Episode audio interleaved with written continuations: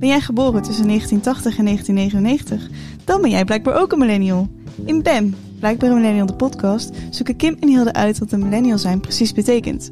Vaak voelen we ons niet geïdentificeerd met de vooroordelen die we als millennials naar ons hoofd geslingerd krijgen. Maar zijn millennials eigenlijk wel zo bezig met hun seksualiteit? Moeten millennials zich steeds meer bezig gaan houden met de politieke kwesties? En houdt elke millennial wel de laatste trends bij? In elke aflevering bespreken we een thema dat wij als millennials tegenkomen in het echte leven. En in deze aflevering is dat marketing. Marketing, superleuk onderwerp. Zo'n onderwerp waar je eigenlijk niks mee te maken wil hebben. Behalve als je een bepaald iemand bent. En die zit bij ons uh, in de studio. We hebben namelijk een gast. Collega, welkom. Hallo. Bam. Zullen we beginnen met de test of zullen we vragen eerst wat hij met marketing heeft? Laten we eerst de BAM-test doen. De test. Ben je er klaar voor? Ja. Oké, ja, oké. Eh, familie. Meer vrienden of meer familie? Vrienden. Politiek actieve volger of last minute beslisser? Gewoon niet eens een last minute beslisser, zeg maar. Gewoon een niet-beslisser. Zo ver mogelijk van, van weg blijven. Oké, hobby's, competitief of lekker voor jezelf? Lekker voor mezelf. Oké, oké. Eh, seksualiteit. Hetzelfde, anders of beide? Hè? Val je op hetzelfde geslacht? Nee. Wat andere geslacht? Andere. Of allebei? Nee, andere. andere. Oké. Ja, die is expres een beetje moeilijk. Dat, dat vinden we leuk. Eh, helden en idolen. Real life idool of fictieve held? Allebei. Zeker allebei. Nou, je moet kiezen. Ja, dan real life. maar ik zou liegen als Spider-Man niet, zeg maar, toch een soort van held is. ja, maar die is echt. Die is echt. Je hebt gelijk. Die is echt. Tom Holland. Eh, spiritualiteit, wel of niet gelovig? Nee, niet. Ook niet opgevoed? Jawel, wel opgevoed. Maar toen op een gegeven moment was ik 13 en begon ik zelf te denken. En toen dacht ik van, nee, dat klopt niet. Oké, oké. Eh, seks, wel of geen seks op een eerste date? Ja, als de optie er is. Spoken like a true man. Oké, muziek voor of na 2000? Nou, Marketing, wel of niet iets kopen via de socials? zeker wel. Ja, het is gevaarlijk. Ik ben er heel gevoelig voor. Dus als ik één keer door mijn feed scroll, dan heb ik waarschijnlijk drie keer al iets aangeklikt wat ik waarschijnlijk de volgende week daar, daarna ga kopen. Ja, Hm, hm, Oké. Eh, films en series, Karate Kid of Cobra Kai? Karate Kid in deze. Ik weet dat jij echt een super grote liefde hebt voor Cobra Kai, maar ik heb Allebei. dus se- season 1 gekeken en ik vind hem ook echt wel leuk, maar het, het, het, het, het is, kan niet tippen aan, aan Karate Kid. Aan Daniel-san. Ja, Oké. ehm, mode, merkkleding of het maakt niet zo heel veel uit? merk. Merk? Ja. Dus je hebt een merktrainingsbroek aan nu. Ja. Ja. En eh, uit welk jaar kom je? 88. 88. Dan eh, ben je gewoon millennial. Geen Limburger. Geen Limburger, nee. Oké, en eh, wat heb je met het onderwerp? Ja, ik, ik ben sowieso eh, een marketeer, een marketingmanager. En ik eh, eh, studeer nog steeds, ehm, of studeer nog steeds. Ik doe mijn executive MBA nu, waarin ik ook mijn, eh, mijn eh, academic thesis schrijf over marketingonderwerp. En dat zit ook wel heel erg in lijn met vandaag. Niet per se met eh, millennials aan zich, maar wel met, eh, met hoe men, eh, moet ik het even naar het Nederlands doen eh, merken, eh, perceptions percipeert, per- perceptie van een merk Ja? en de waarde ervan. Oké. Ah. Interessant. Ja, en marketing is gewoon een, een, een heel. Ik vind het een heel interessant onderwerp, omdat het, is, het zit heel dicht ook bij een psychologisch stukje, zeg maar. Ja, Eh, sowieso. weet je, marketing, dat dat, dat een. eh, hoe zeg je dat? Eh, psychological markers zijn. Dat is bijna het centrale van marketing, zeg maar. Ja, maar ze zeggen dat het, als je weet hoe het trucje werkt, dat je daar dan niet intrapt. Maar jij zegt net, ik Nee. wel wat via socials. Het is, ehm, als je zeg maar Cialdini kent, want een beetje de basis eh, grondleggen is zeg van het psychologisch stukje van beïnvloeden in, in, in sales en verkopen. Die ken ik echt als de binnenkant van mijn z- eh, broekzak, zeg maar. Maar ik weet juist als ik erin trap wat ik aan het doen ben. Dus je bent wel... Je bent gewoon menselijk. ja, precies. Dat is ook fijn om te weten. Maar wat houdt dat dan in? Dat, eh, Ja, kijk, het zijn. ehm, hij heeft een paar basisprincipes waarin, waarin commitment valt, eh, eh, zeg maar, sociaal bevestiging. En het zijn allerlei zaken, net als idolen bijvoorbeeld. Als een idol X iets draagt ineens, dan kan men daar heel gevoelig voor zijn. En je weet dat je dus zo'n merk eigenlijk helemaal niet super denderend vond drie weken terug. Maar nu je ziet dat persoon X dat draagt bijvoorbeeld, vind je het ook ineens leuk. En ik weet heel bewust dat dat gebeurt, maar ik, ik koop dat nog steeds. ja. Oké, cool. Hilde, wat heb jij met marketing? Ehm, ja, eigenlijk niet zo heel veel. Ik vond dit ook wel een beetje een moeilijk onderwerp, omdat ik dacht, ja, wat heb ik met marketing? Alles is marketing. Ehm, volgens mij, tenminste waar wij in Nederland, waar wij nu uh, in leven in de maatschappij, draait heel veel marketing. Um, ik ben er niet zo heel gevoelig voor, maar dat zeg ik nu, maar misschien valt dat vies tegen als ik daar straks over na ga denken.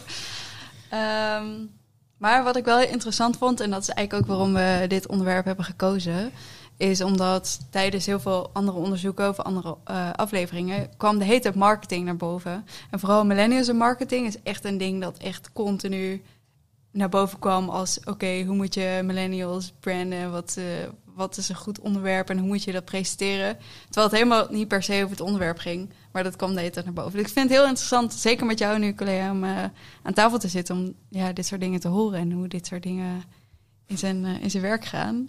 Ja. En jij, Kim? Ja, ik heb er ook niet zo heel veel mee, maar jij weet dat ik, daar hebben we vorige keer ook nog over gehad, dat ik echt, uh, als ik merk dat iets me opgelegd wordt, als ik het gevoel heb dat er geld achter zit, dan koop ik het juist niet. Ja. Dus ik ben echt anti-hype zeg maar.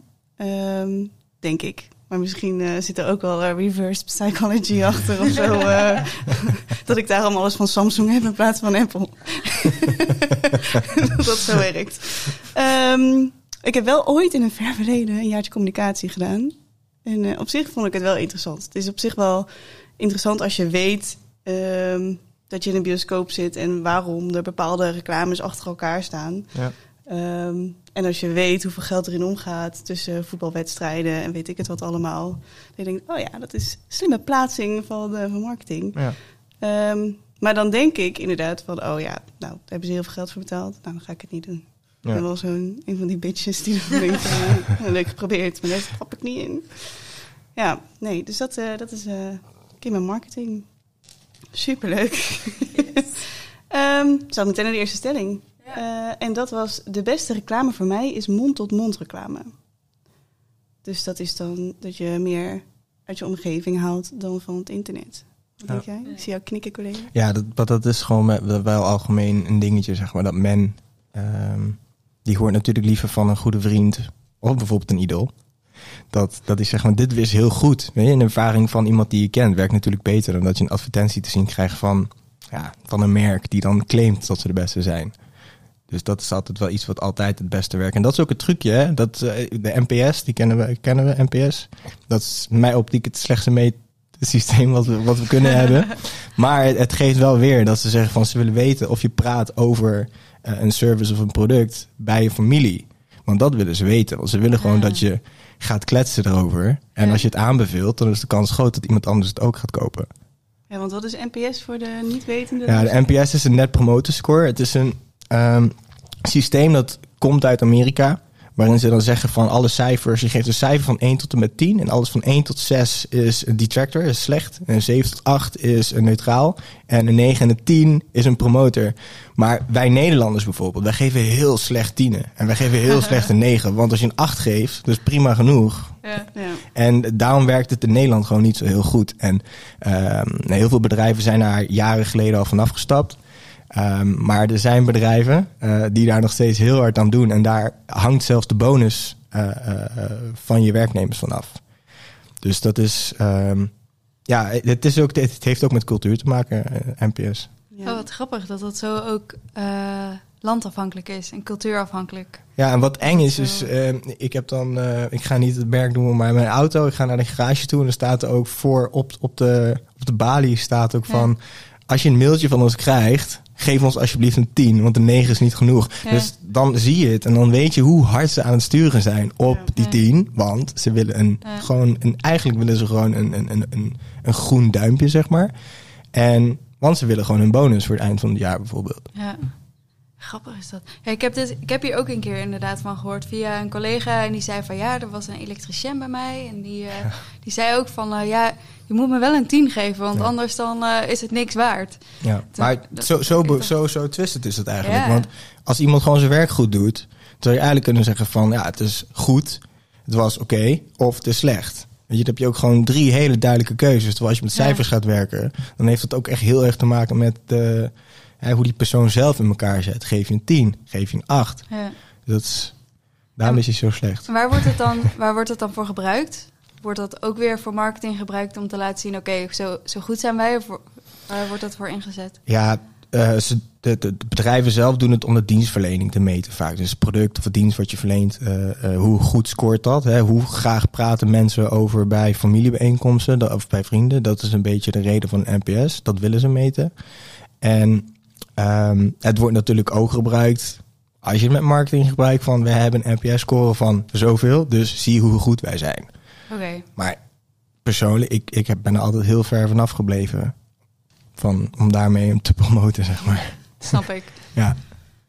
Ja, het is ook erg beïnvloedbaar dan als je mensen gaat vragen van geef mij een 9 of geef mij een 10 natuurlijk. Ja, absoluut. En het grappige is dat, uh, dat ik heb een uh, vijf jaar geleden zat ik in het NPS groepje van, uh, van waar ik werk. En dat, heb, dat deed ik expres om juist dichter bij het vuur te zitten. Want ik wilde dat eigenlijk voor het bedrijf uit gaan zetten.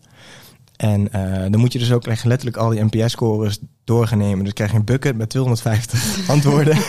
met redenen erbij. En dan ga je kijken of je er iets mee kan. En dan ga je ook dus uh, ook zeker uh, detractors uithalen. Waarvan je echt letterlijk verbeterpunten ook uit kan halen voor het bedrijf. En niet te vergeten, promotors zijn vaak nog belangrijker. Want wat je goed doet, kan je vaak makkelijker beter doen. Dan wat je slecht doet, ineens heel goed doen. Dus uh, dat was wel leuk om, uh, om te leren hoe dat, uh, of tenminste, om een beetje dieper daarin te duiken. Mm. Maar het, het was wel een bevestiging om van hetgeen wat ik zelf altijd vond, van het is echt een heel nutteloos systeem om te gebruiken voor je bonus, zeg maar. Ja, precies. Ja. Want werkt het voor jou, Hilde, als je van vrienden of zo hoort, dit is echt een goed merk, ga je dan kijken? Uh, ja, ik ga dan wel kijken. Ik vind dat wel, mond-op-mond reclame vind ik vaak wel, werkt beter voor mij dan, um, dan zomaar een merk opzoeken en kijken. Wat ik wel heel vaak, ja, mond op mond is wel, ja, dat doe ik al vaak. Maar ik kijk ook heel vaak reviews. En uh, tweakers bijvoorbeeld, als ik iets van elektronica wil kopen of uh, ja. weet je, dat soort dingen.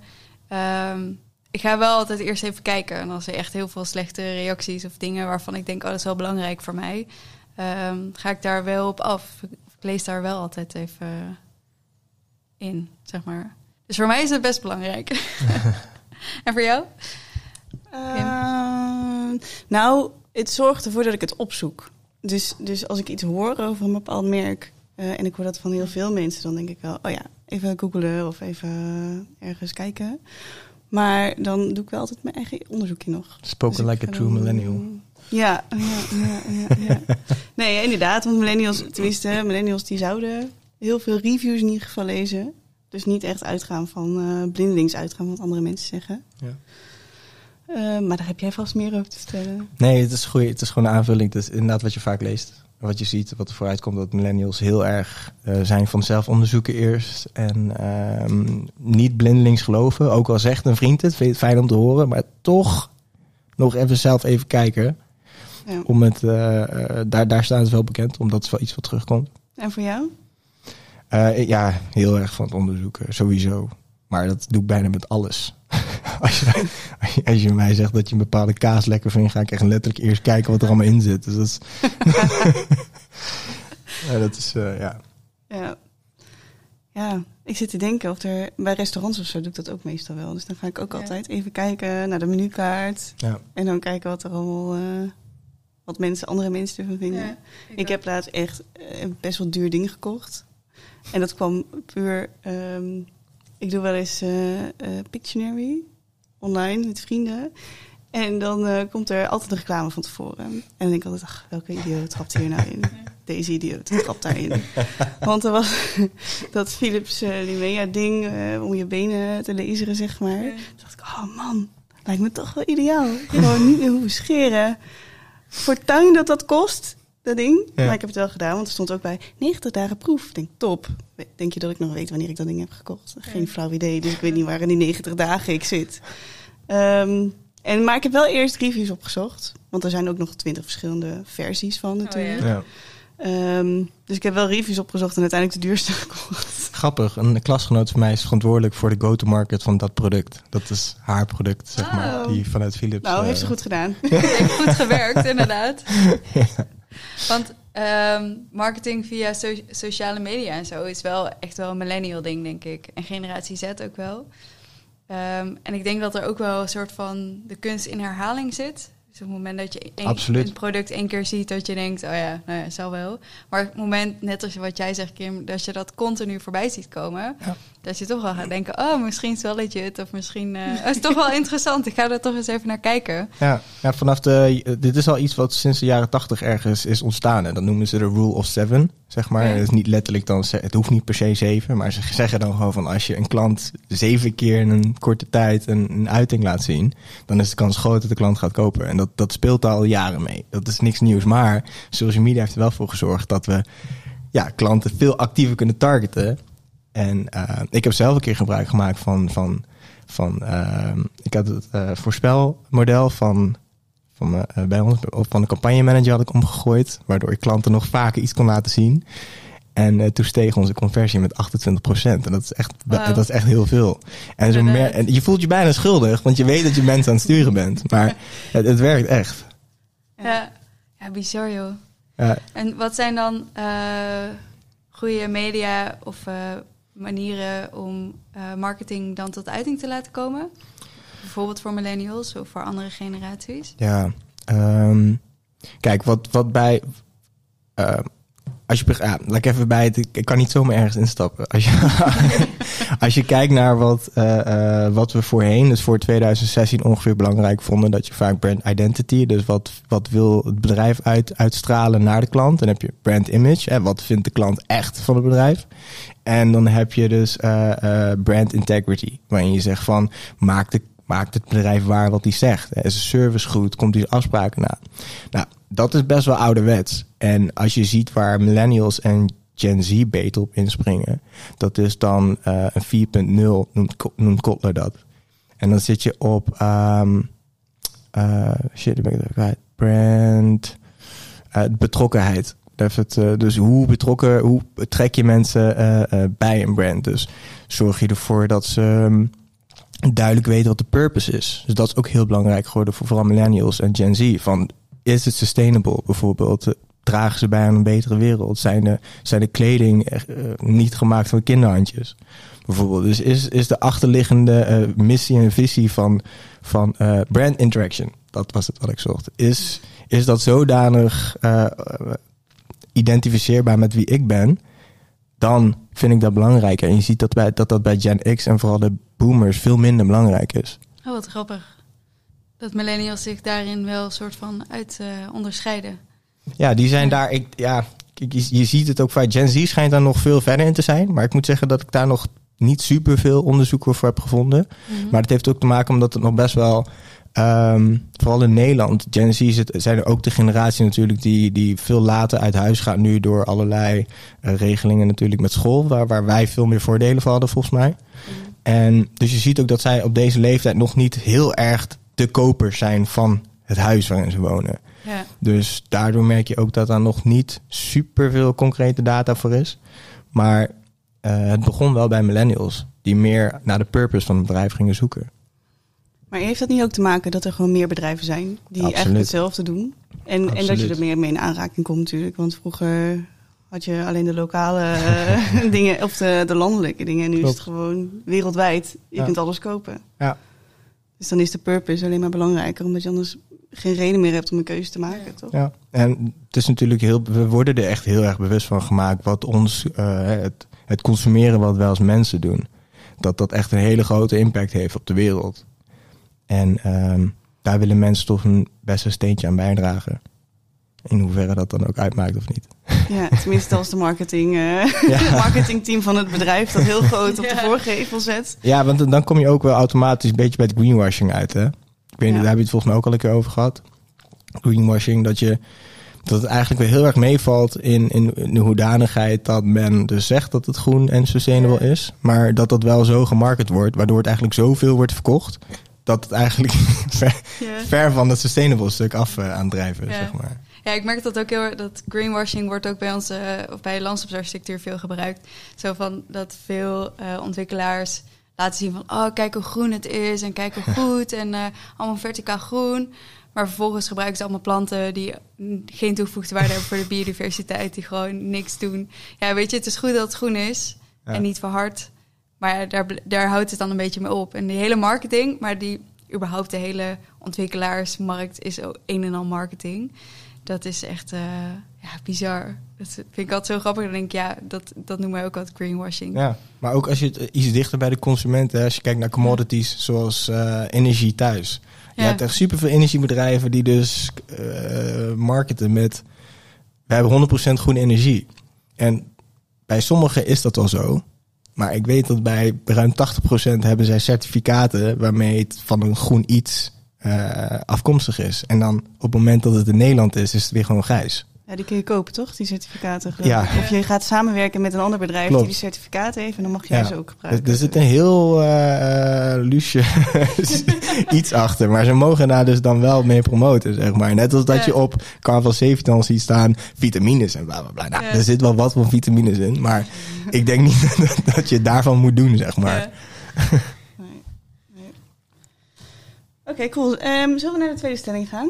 En die is, eh, want die sluit wel een beetje aan bij ehm, in ieder geval het switchen van merken. En dat is, ik ben loyaal aan bepaalde merken of bedrijven.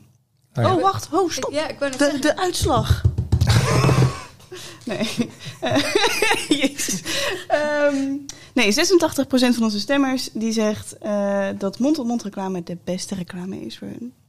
Ja, Dat is echt veel. dat is heel veel, ja. En dat is, wij zeggen dus dat is bullshit. Maar ik ben dus, ik ben dus benieuwd dat die, wat- dat die resterende 40% zegt dus, zegt dus eigenlijk... Ik, ik waardeer het minder wat mijn directe kring zegt ja. dan wat een advertentie zegt. Dat is best interessant. Even kijken wie dat zijn. Die luisteren toch niet wat wij te zeggen Even targeten. hebben. ja. Er komen nog follow-up questions eh, voor iedereen die nee heeft gezegd. ja, alhoewel ik dus ook niet hebben gezegd, omdat het niet eh, alles zegt, zeg maar. Het is niet zo van, oh jij zegt dat, oké, Ja. ga ik kopen. Ja. Maar ik had wel heel veel mensen die zeiden over dat, eh dat, dat eh ontharing ding. Die zeiden van, eh, oh ik ben echt blij dat jij dat gaat proberen. Want ik dacht al, ik ga dit een keer doen. Maar eh, ik ben blij dat jij het even probeert. En ook, ik ben nu ook aan het kijken, ja, alles met lasers. Ja. Maar eh, ook om mijn ogen te lezen. En dan zegt ook eh, heel veel mensen zeggen: Oh ja, nou, als het een fijne kliniek is, laat me even weten. Want ik durf het eigenlijk niet zo goed. Dus ik ben blij dat jij het even probeert. Ja. Ik ken het overigens twee mensen die het hebben gedaan. En die zeggen, als ik het wist, had ik het tien jaar eerder gedaan. Ja, dat is ook mijn, mijn. Want op zich, als ik het nu nog vijf jaar uitstel, dan kan ik er vijf jaar minder van genieten, zeg maar. Ja. Tenminste, even zo. En betaal ik vijf jaar langer lenzen. Ja. En mijn bril. Man, dure hobby. Zo duur. Zien. Je moet wat Hartstikke over hebben. blind. Ja. Oh, man. Ehm, maar goed, nu, alsnog. Stelling 2. Stelling 2. Ik ben loyaal aan bepaalde merken of bedrijven. Wat hebben de Bemmers gezegd? Ja, zullen we meteen moeten we een... maar mee beginnen. 57% is eh, loyaal. Dat is merkentrouw. Dus dat is ongeveer 50-50.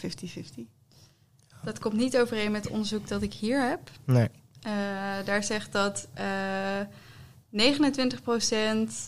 eh, van de millennials trouw is aan bepaalde brands, dus merken. Nou, Klopt. onze mensen zijn Ja. gewoon heel trouw. Onze bemmers. We hebben gewoon trouw. trouw bij- maar die zijn ook gewoon trouw aan ons. Ja, dat Oh is my het waarschijnlijk. Ze zijn gewoon bang dat we anders zeggen. Wat?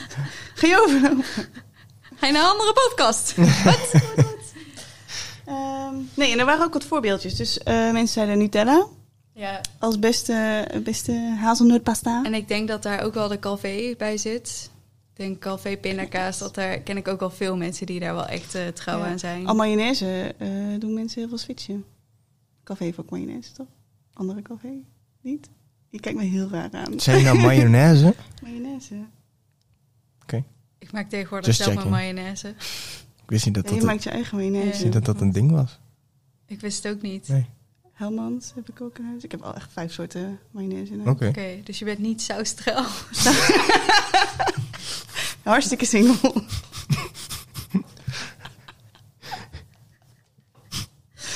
Dat blijkt al. Helmans. Ja, ik wou nu al mijn mayonaise gaan doen, maar ik durf niet meer nu. Eigenlijk. Zaanse mayonaise. Eh, we hebben ook eh, de Body Shop. Daar zijn mensen ook heel trouw aan. Omdat ze goede doelen steunen. Dus dat is wel, dat komt wel Ja. overeen met wat je zegt, de purpose van het eh, bedrijf. En, Ja. Ik zit Ik nog even bij je mayonaise. nee. Sorry. ik wist echt niet dat er een markt was dat echt heel bewust mayonaise aan het kopen was. Maar ik zit daar ook helemaal niet in. Dus wellicht... nee, jij eet geen mayonaise. Nee.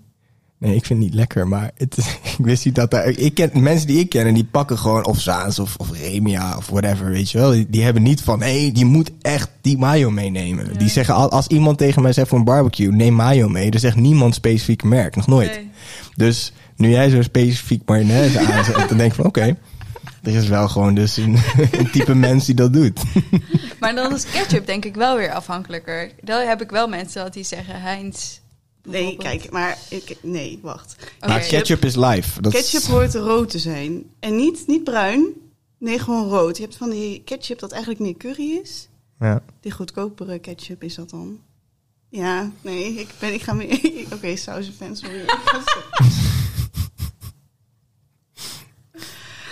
Ja, ik, Maar ik, ben ik klaar. denk dat dat ook te maken heeft, en nu iets zeggen, dat ketchup is wereldwijd een veel meer geaccepteerde saus. Even over, als we op saus blijven. Is het mayonaise is in bepaalde landen, denk ze echt van, wat doe je met mayonaise? Die Ja. eten ook niet mayo zoals wij dat in Nederland eten. Dat ketchup is wel zeg maar een soort van eh, overal wel geaccepteerd.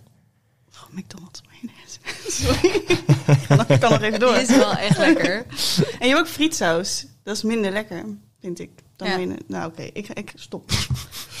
stop over sauzen. Ja, echt mijn halve koelkast staat vol met saus. Dat is echt niet normaal. Ook mosterd. Drie soorten mosterd in huis. Oké. Ik zie twee teleurste- teleurgestelde gezichten. Ja, ik vraag me dan ook af, is, is je eten dan zo smakeloos? Of?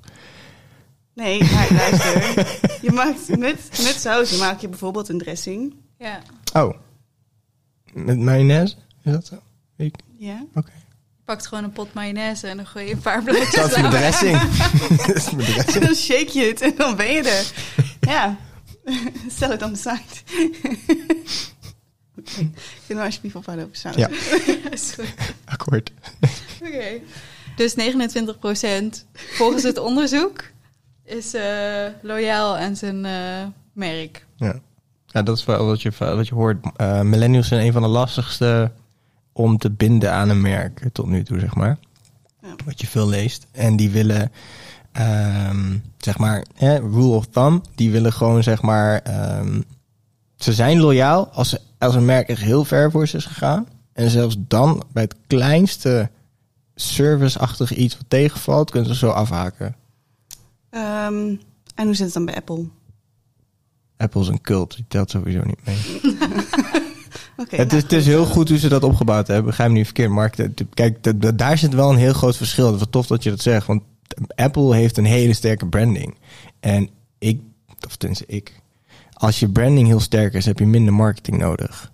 En hoe meer marketing je nodig hebt, hoe, hoe eigenlijk hoe instabieler je branding is. En Apple heeft dat heel goed voor elkaar. Wat is het verschil tussen branding en marketing?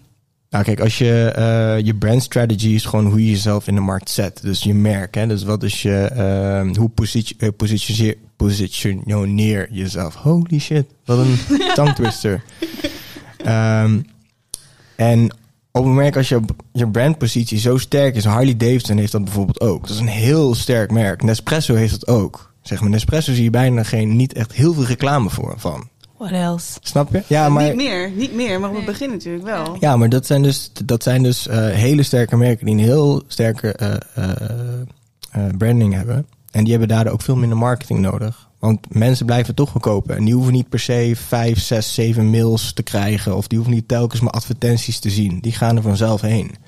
En eh, dat is een beetje het verschil met branding en, eh, en marketing. Dus de, de theorie is dus juist hoe sterker je branding, hoe minder marketing je nodig hebt.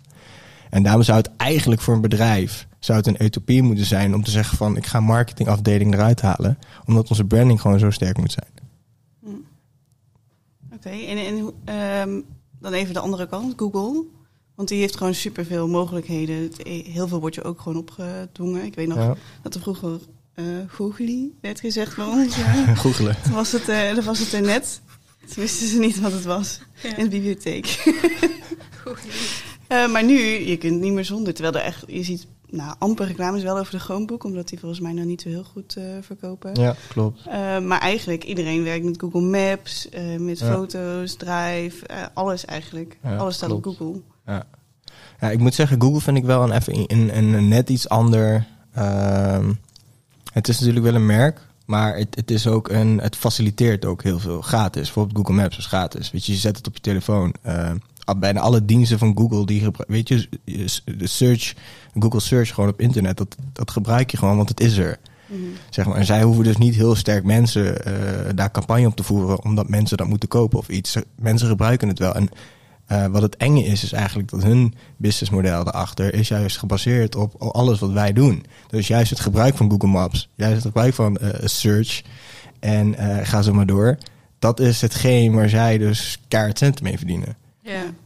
Want als jij bijvoorbeeld met je telefoon voorbij een, een bedrijf loopt, zo vaak per dag, dat zien zij gewoon door jouw geotagging bijvoorbeeld. En dan kunnen zij jou daarop ook of advertenties of jouw data eh, eh, laten zien aan, aan de mensen waar je voorbij loopt. Zodat ze kunnen zeggen van nou, als we deze klant gaan benaderen voor jou, dan is de kans groot, want die loopt zo vaak langs, dat ze een keer binnenlopen, Ja. zeg maar. ja, bizar hè? Ik vind dat wel een beetje een enge gedachte. Ja, en Apple en Samsung bijvoorbeeld, daar moet je echt zeggen een product. Dan ga je naar binnen en dan koop je echt iets. En dat ligt, Ja. ligt bij Google ligt dat anders. Je hebt natuurlijk de Google phones. Ehm, maar dat, dat is dus een van de weinige dingen die, die, die dan echt gerelateerd is aan Google. Ja, het is redelijk ondefinieerbaar, want het is Ja. geen social media. Klopt. Het is eh, inderdaad, je koopt niet echt producten ervan, of weinig in ieder geval. Ja. Dus ehm, Het enge is, is dat het bijna niet meer weg te denken is uit ons leven. Want je googelt het even en je Google Maps ga je even ergens heen. Zelfs. Waze is, is de basis van Google. Die leggen gewoon niet een, die leggen een layer eroverheen. En we vinden het zo normaal geworden dat we zo keihard onze data en alles wat wij eigenlijk doen, maar naar Google pushen. Dus eh, maar ja, het helpt marketing wel.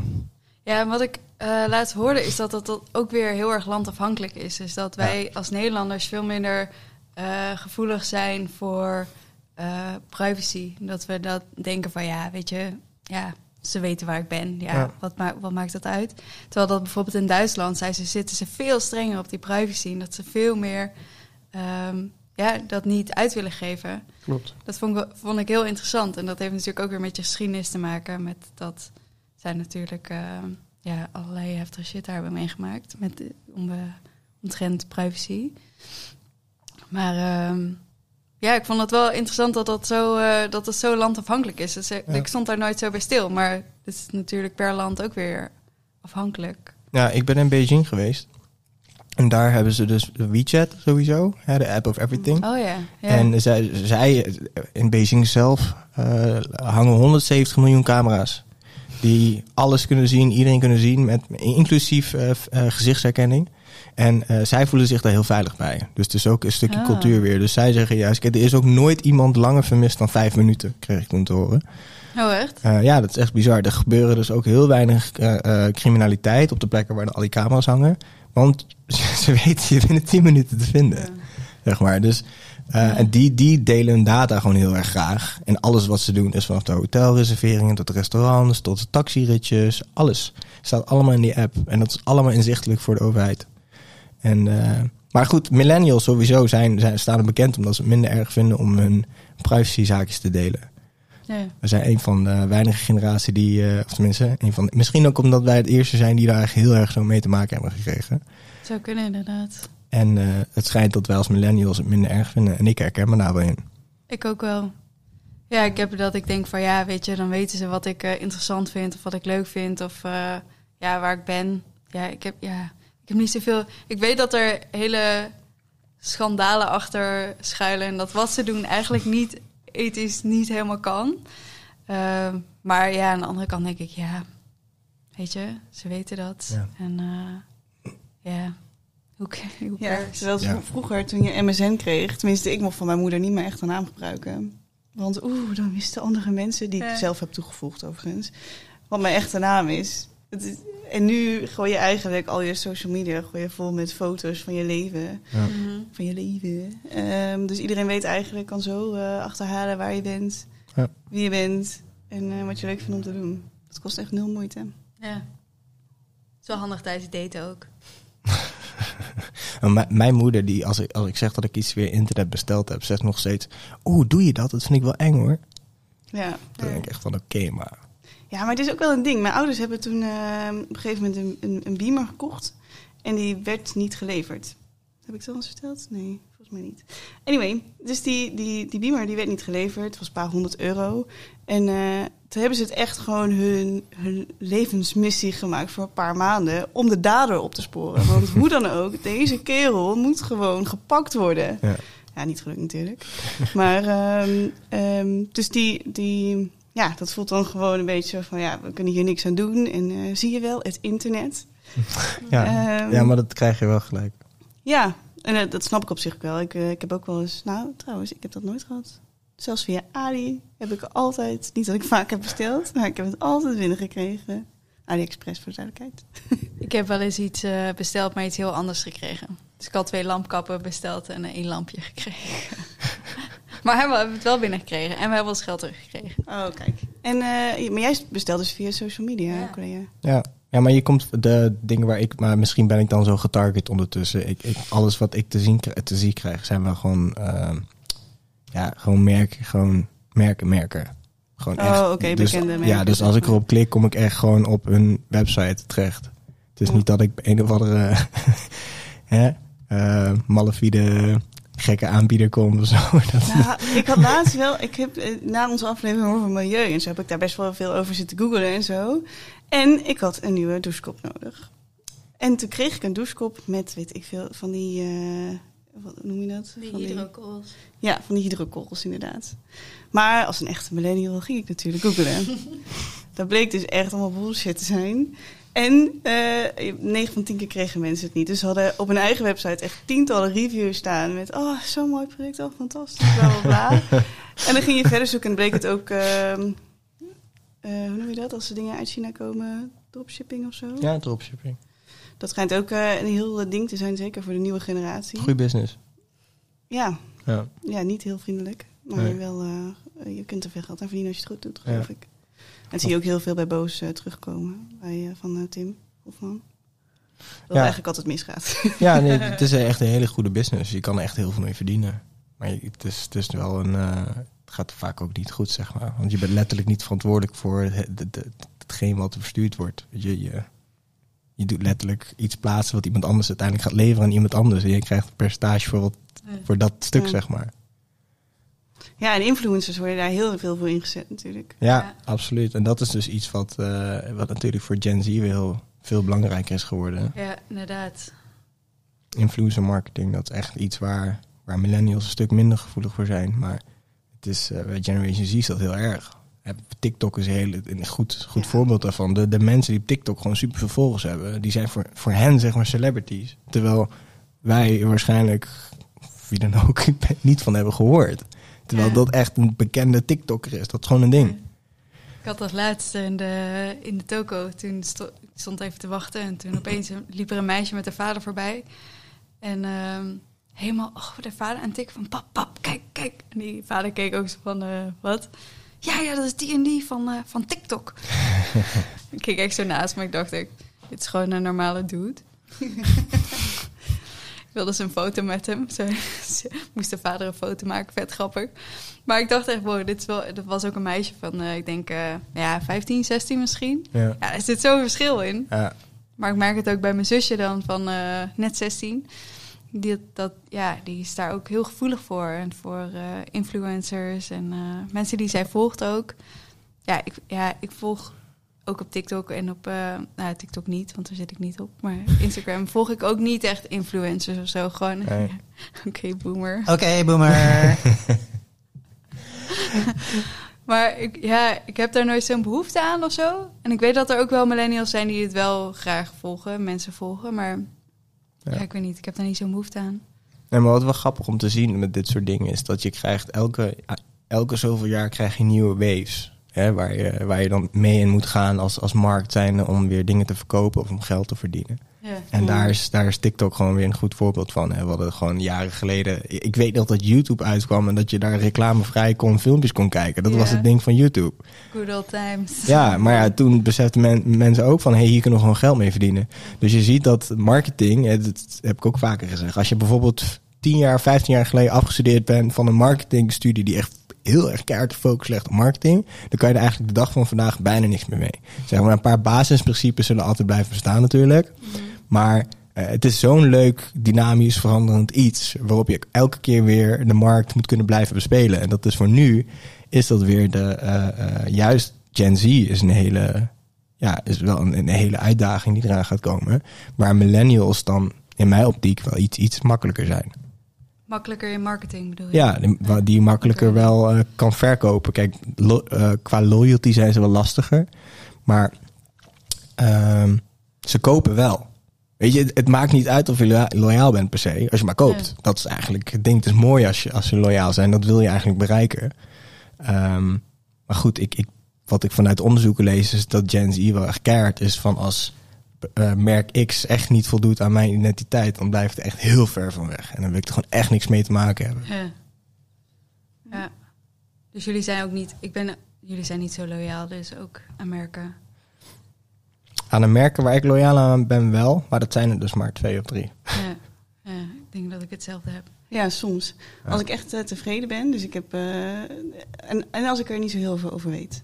Ja. Dus dan, en dan werkt het. En dan denk ik, oké, cool. Good. Hoef ik ook niet verder te zoeken. Ja. Ik ga bijvoorbeeld nooit meer overstappen van tandpasta.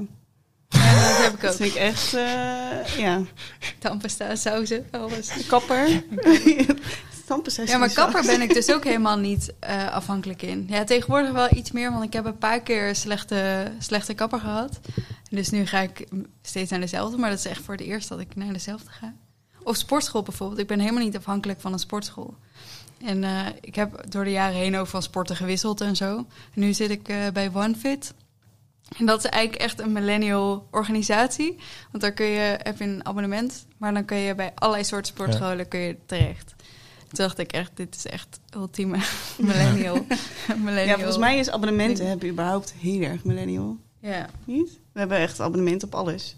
Televisie en 20 streamingsdiensten. ja. Telefoon, eh, dat was mijn moeder ook vroeger. Oh, Een abonnement op je telefoon is wel eng, hè? Ja. Heb je wel jaren zit je eraan Ja, vast. inderdaad. Ja, maar dan is het dan, want dat vind ik wel grappig, hè, want dan is het de vraag van, is dat een millennial dingetje? Of is dat een, een iets wat door de markt, waar die richting bij je ingeduwd? Want je kan er als millennial vrij weinig aan doen. Als je Netflix hebt bijvoorbeeld, hè, je moet er een subscription op nemen. Dan maakt het niet uit of jij een Gen Z, Gen X of boomer bent. Als je er gebruik van wil maken, moet je een subscription nemen. Ja, dus het is heel erg van deze tijd Ja. om overal abonnementen op te hebben. Ja, het, het, verdienmodel werkt gewoon wel volgens mij veel beter dan. Kijk, je zet mensen vast voor een jaar vaak bij, bij de meeste subscriptions. Bij, bij zulke kleine diensten als, als Disney en Netflix is dat niet. Maar bijvoorbeeld je energie, je, je telefoon, eh, sport. Zo, volgens mij betaal je altijd meer als je maandelijks moet opzeggen. In Ja. plaats, dus weet je, het is wel een steady inkomsten wat je gewoon eh, genereert voor je bedrijf. Ja. Ik vind trouwens nog wel leuk om te melden. Hè. Bij TikTok heb je, je hebt dus allemaal van die hypes, van die trends. Die TikTok-trends noemen ze het geloof ik ook. En op een gegeven moment, dan krijgen wij die ook mee. Dus dan, dan denken ze, oké, we hebben de... millennial- boomer. we hebben de, millennial- of de Gen Z hebben we gehad. Nu gaan we over naar de andere generaties. Instagram, Facebook, daar komen die boomers kijken vooral. En dan, eh, dan staat er ook boven TikTok trends. En dan denken al die ouders en wij. oh, wat doet de jeugd dan tegenwoordig? Oh, oh. En dan kopen we toch allemaal... Nou, tenminste, ik heb het niet gekocht. Maar die, eh, die mooie broek waar je kontwekker zo groot lijkt. Hebben jullie die gezien? Oh, ja. Nee? ik wou net zeggen, ben Ja. ik alleen dit audience die dit weet. Maar het is een, eh, een, eh, een, eh, een broek om in te sporten. Waar vrouwen niet in sporten. En die dragen ze dan thuis, want dan lijkt hun kont groter.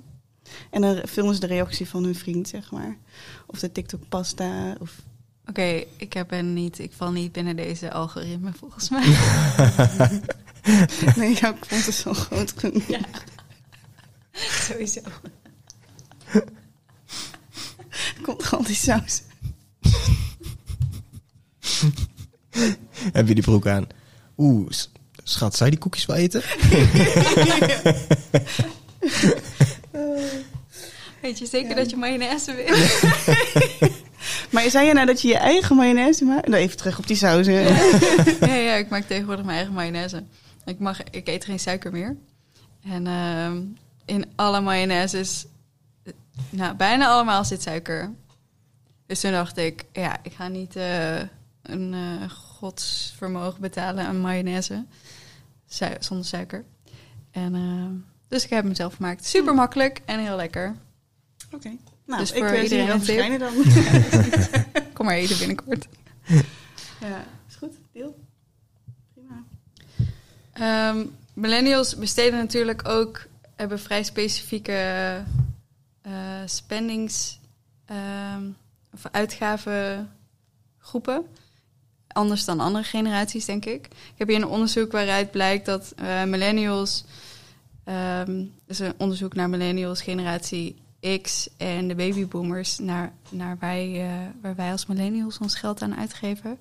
Dat is eh, socialization, dus sociale activiteiten educatie, ehm, eh, appearance, services, food away from home, dus uit eten en zo. Dat is ook wel echt een millennial ding. Food at home, dus we besteden blijkbaar ook veel geld om eh, thuis eh, te eten. En transportation. Eh, generatie X zegt, eh, het besteedt veel geld aan personal insurance, dus persoonlijke, eh noemen we dat, verzekeringen. Ja. Vond ik heel grappig. Pensioen. De- die zijn nu op een eh, leeftijd waarop ze denken van... eh ze moeten eens even over pensioen aan gaan denken. En entertainment. En de boomers die besteden veel geld aan healthcare. Wat op zich logisch is, want ze zijn al wat ouder. En, Helemaal afgetakeld. helemaal afgetakeld. Nieuwe heupen, nieuwe ja, knieën. precies. Ja. Eh, services. Personal care products. Dus moet natuurlijk ook dat eh rimpelige huidje moet eh, verzorgd worden. Ja, Q10 Ja, precies. Reading. Oh, dat, is, dat is wel interessant. Dus eh, veel aan boeken en eh, dingen om te lezen. Ehm, Ja, die kunnen nog lezen. Die, kunnen nog die nog kunnen lezen. Die hebben al mijn ogen laten lezen. Ja, nou, moet je aan de wij kijken alleen maar filmpjes natuurlijk. Oh ja, inderdaad. Ja, precies. Als er geen plaatjes bij staan, hoef ik het niet te zien. Dus, eh, maar ik vond het wel grappig. Ik denk dat veel ook wel leeftijdsafhankelijk is. Dus wij zitten natuurlijk in een... Millennials zitten in een ja, tijd waarin veel toch wel jong zijn... en veel met vrienden doen. En, Ja, want dit is wat ze nu gaan. spenderen. Dus niet Ja. wat we op dezelfde leeftijd nee, spenderen. wat we nu spenderen. Ja. Maar vanuit een marketingperspectief gaat het ook altijd om waarde. Dus Ja. dan is het niet eh, eh, eh, product X of service X. Het is gewoon, het, iets heeft een waarde en het hoeft niet altijd geld te zijn, zeg maar. En dat verschilt per generatie gewoon en daar spring je weer op in. Dus dit soort onderzoeken zijn wel echt grappig. Of leuk gewoon in te zien dat je dus ook per generatie, dat die waardes gewoon super erg veranderen. Ja. Ja, Ik ben echt heel erg benieuwd namelijk wat dan voor Alpha, zeg maar, weer gaat ja zijn. Zeg ik maar. ook. Ja, echt- dat wordt weer een hele andere generatie. Even tussendoor, alfa zijn de baby's die nu worden geboren. De baby's. De baby's. Ja, maar Ook ik- wel de coronageneratie. Ik, ja, ik kan me bijna niet voorstellen. Ja, dat zeg je dan altijd. Hè, maar ja, we hebben nu zoveel waves gehad. En we gaan een digital waves, industrie- eh, industriële revolutie hebben we toen gehad. Hè. Digital, we gaan nu richting AI, wat steeds, steeds, Ja. steeds gekker wordt. Ja. Kijk, het, zou, het is niet ondenkbaar dat men gewoon volgende week zeg maar een lever nodig heeft. En dat hij dan even 3D print over 15 jaar of zo, weet ik veel Ja. wat, zeg maar. Dus het lijkt me zo lijp om, om te... Ja, ik ben gewoon benieuwd wat daar gaat gebeuren. Ja, ik- super tof. Ik ben ook heel benieuwd. En ook hoe daar dan weer marketing en branding een rol in gaat spelen. Ja, het is, het is grappig, hè, want ehm, bijvoorbeeld we hebben nu zelfrijdende auto's. Hè. Tesla is natuurlijk ook een goed voorbeeld van een heel sterk merk, een hele Mhm. sterke branding. Maar de zelfrijdende auto's is iets wat gaat komen. Hè. Maar dan marketingtechnisch, weet je, hoe ga je dat neer, eh, hoe ga je dat in de markt zetten? Want dan zou je bijvoorbeeld kunnen zeggen van, eh noem even Tesla bijvoorbeeld, de auto die voor de bestuurder kiest in plaats van eh, degene die aangereden wordt. Hè, omdat het AI is. Dus waar gaat die afweging liggen? Ja. Hoe gaat dat gemarket worden? Dus dat zijn weer marketing. Ik ben heel benieuwd hoe, hoe marketing daarmee omgaat. Ja, en hoe meer er natuurlijk... Want eh, je noemde net het voorbeeld van zorg, hè? Dat, dat je lever 3D-print kunnen worden. Maar de kans dat dat dus ook dan weer een, eh, een ding wordt... dat je daarvoor moet betalen... dat je moet kiezen welk bedrijf je gaat doen. Ja. Dat het daardoor ook duurder wordt, dat je daardoor marketing krijgt inderdaad. Dat is dan wel weer de, de voor mij wat mindere kant van dit soort dingen. Ja, nou, vooral in, in Amerika, als je kijkt naar healthcare, daar zie je letterlijk dat, dan dat daar zijn het allemaal op zichzelf staande bedrijven. Hè? En daar zie je dus ook dat echt gemarket wordt op van hier krijg je voor een knieoperatie uh, krijg je, betaal je 4000 euro en daar betaal je 8000 euro. Dus daar zijn ze letterlijk op medische Ja, is keihard bizar. aan het campagne voeren. hè? Wat eigenlijk Ja. bizar is, want hier krijg je het gewoon allemaal voor hetzelfde bedrag. Ja. Maar daar is dus per ziekenhuis kan je letterlijk het verschil tussen 20k of 80k voor een, eh, voor een operatie krijgen. Daar is med eh, eh, medische eh, zorg is gewoon echt een supergoed businessmodel daar. Ja, bizar hè? Waar die marketingkraan echt keihard opengedraaid wordt. Ja. Ik zou echt willen dat alles, alles wat eerste levensbehoefte is, dus zorg, onderwijs, eh, eten, dat soort dingen, dat dat gewoon, dat er gewoon één mogelijkheid is, internet. Gewoon, mag ik, mag ik gewoon, het moet werken. Het maakt me verder niet uit. Geef gewoon, ik betaal wel. Ja, Communisme. ja kom maar. SP. nee, ja, maar gewoon eerste levensbehoefte. Hè? Dus er zijn heel, heel veel dingen waarvan ik denk, nou, de ene is wel fijner of voelt beter dan de ander. Ja. Maar er zijn ook heel veel dingen dat ik denk, het boeit me echt helemaal niks. Mag ik gewoon het krijgen, alsjeblieft? Ja. Ja. Zolang het goed is Ja, en eh, goede service wordt geleverd. Ja, maar zelfs, zelfs en, en daar, gaat, daar, daar komt dan die kapitalistische kraan weer. Hè? Want je hebt zoveel producten die echt identiek zijn aan elkaar, letterlijk uit dezelfde fabriek komen, ja. die dan anders in de markt gezet worden. En het is voor, voor, voor eh, consumenten is vaak juist het gevoel wat een merk geeft. Dus de, de merkperceptie is vaak veel belangrijker dan het, het, het ding zelf. Zeg maar, je, je koopt iets waar je een goede perceptie van hebt. Dus als je gewoon echt vijf van dezelfde producten naast elkaar zet en je, hebt je hoort de verhalen van alle vijf de producten en alle vijf verhalen zijn anders, maar het komt echt van dezelfde fabriek, dan heb je nog een voorkeur voor één. En dat, dat is Ja. zo grappig aan marketing. Ja, ja inderdaad. Het is maar wat je mensen voorhoudt. En eh, het, het is misschien wel altijd waar, ehm, maar het heeft niks met het product te maken. Ja. En eh, nog even misschien een soort eh, slotvraag. Waar, waar zijn jullie echt heel gevoelig voor? Voor welke marketing? Als jij iets op social media voorbij ziet komen, dat je daarop klikt? Jezus, drop even een bommetje of Ja. zo. Ja, maar het, het zijn heel specifieke dingen. Bijvoorbeeld als ehm, schoenen, bijvoorbeeld. Als, als er een nieuwe Jordan drop komt, zeg maar morgen is 1 om 9 uur. Dan.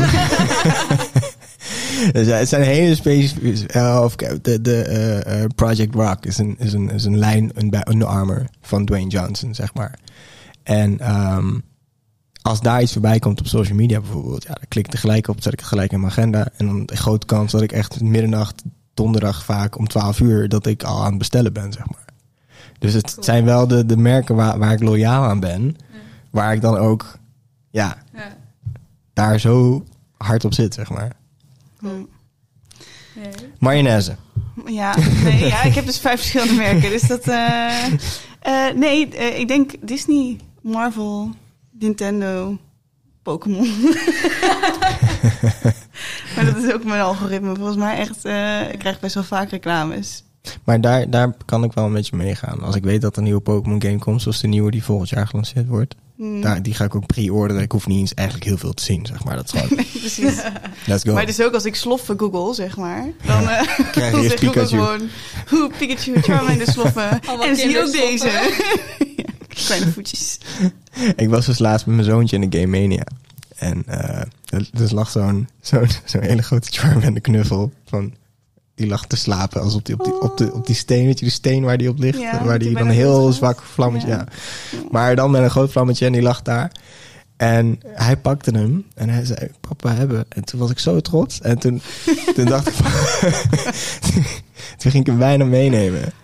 En toen dacht ik van... ik koop hem dan niet eens voor hem, maar dan koop ik hem gewoon meer Ja, voor mezelf.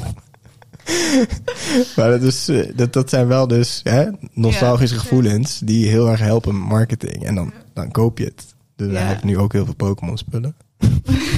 Ja, maar dat werkt echt. Ik zie ook echt heel veel eh, millennial ouders met kinderen inderdaad... die allemaal knuffeltjes hebben van, eh, Ja. van Pokémon. En ook net als jij, gewoon super trots zijn. Ja. Ik had laatst ook, waren we aan het zoeken naar een stoel, een extra stoel in de woonkamer. En dan komt die, ik weet niet of je hem kennen. Die Snorlax eh Ja. fatboy, die komt er voorbij. Die echt overal voorbij komt. Die overigens zonder inhoud. Als je hem bestelt, is die gewoon zonder inhoud. Dus dan moet je het stof en zo wat erin zit, moet je nog kopen.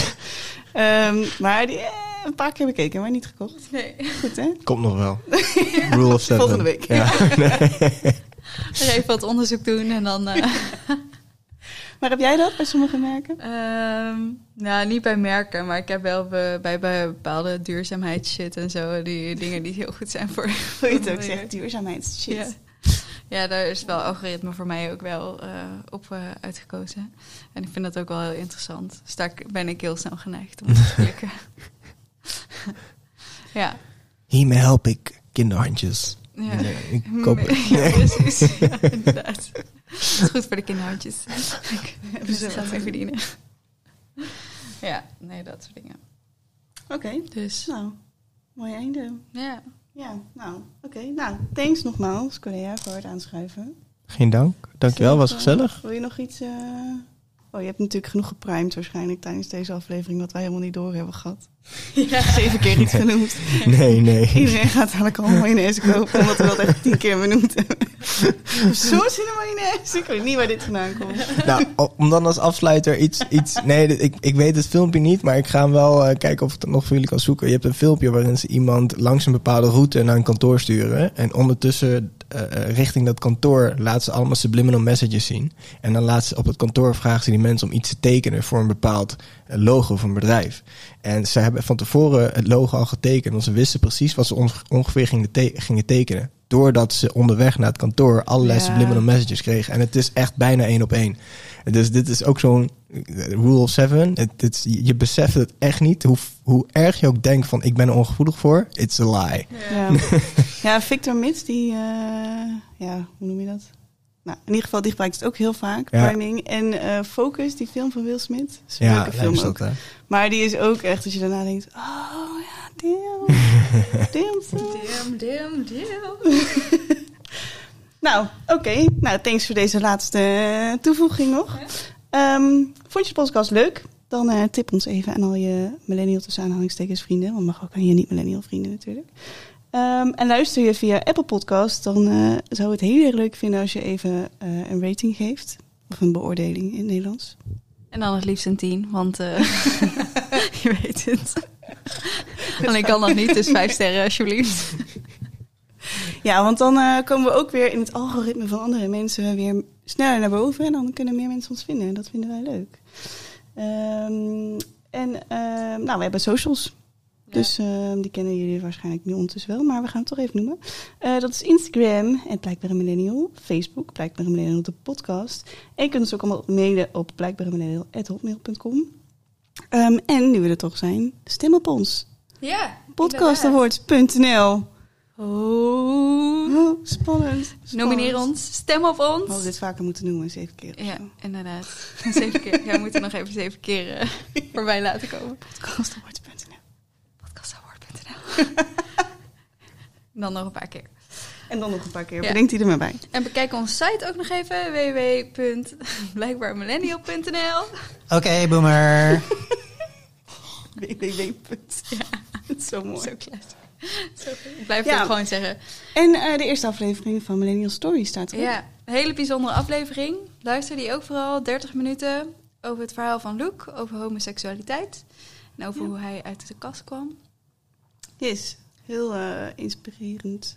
Ja, bijzonder verhaal. Luister hem vooral. Je kan, je kan hem gewoon bij onze eh, blijkbaar Millennial eh, Spotify en alle andere, Andere andere accounts, podcastkanalen. podcastkanalen. Spotify. Google Podcast, Apple Podcast, radio nog iets. Breaker. Nee, al die dingen. Al die dingen. Al Waar die je, dingen. kan je ons vinden. Oké, nou tot de volgende keer. Thanks voor Oké, het luisteren. Bye. doei doei.